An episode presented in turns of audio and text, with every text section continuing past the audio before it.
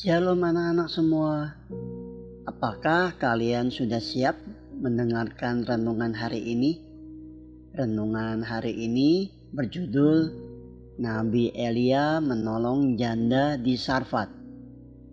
Dari 1 Raja-Raja 17 ayat 7 sampai 16. Anak-anak, setelah beberapa waktu lewat, Nabi Elia masih berada di tepi sungai Kerit.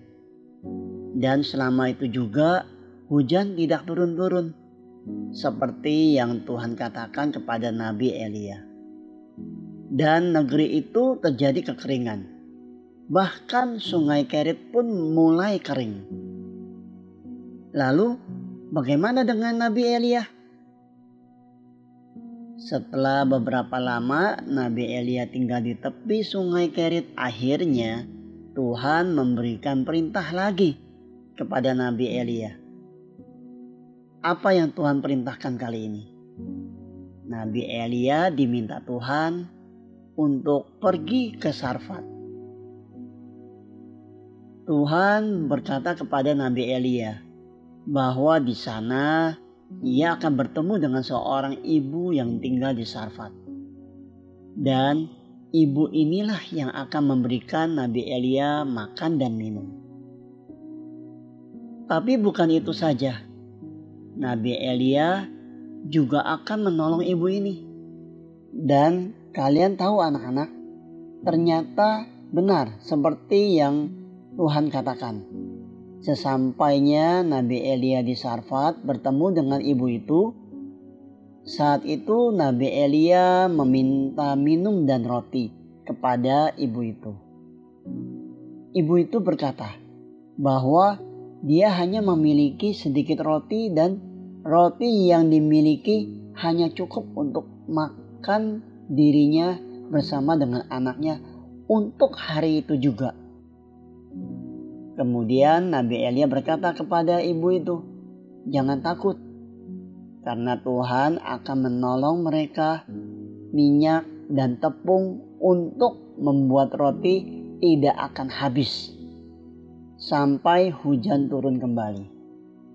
Menurut kalian, apakah ibu ini percaya dengan apa yang dikatakan Nabi Elia? Ya, sang ibu percaya dan mengikuti apa yang dikatakan oleh Nabi Elia. Ibu ini membuatkan roti dan memberikan kepada Nabi Elia. Lalu, bagaimana dengan sang ibu dan anaknya? Seperti yang dikatakan oleh Nabi Elia, Tuhan akan menolong dan memelihara. Kalian tahu, tepung dan minyak yang dimiliki oleh ibu ini benar-benar tidak habis. Setelah dipakai, selalu ada lagi, ada lagi, dan ada lagi. Wah, luar biasa sekali ya Tuhan kita. Ibu dan anak itu makan dan tidak kelaparan. Tuhan menjaga dan memelihara mereka dan juga Nabi Elia. Seperti itu, Tuhan juga akan selalu menjaga dan memelihara setiap kita.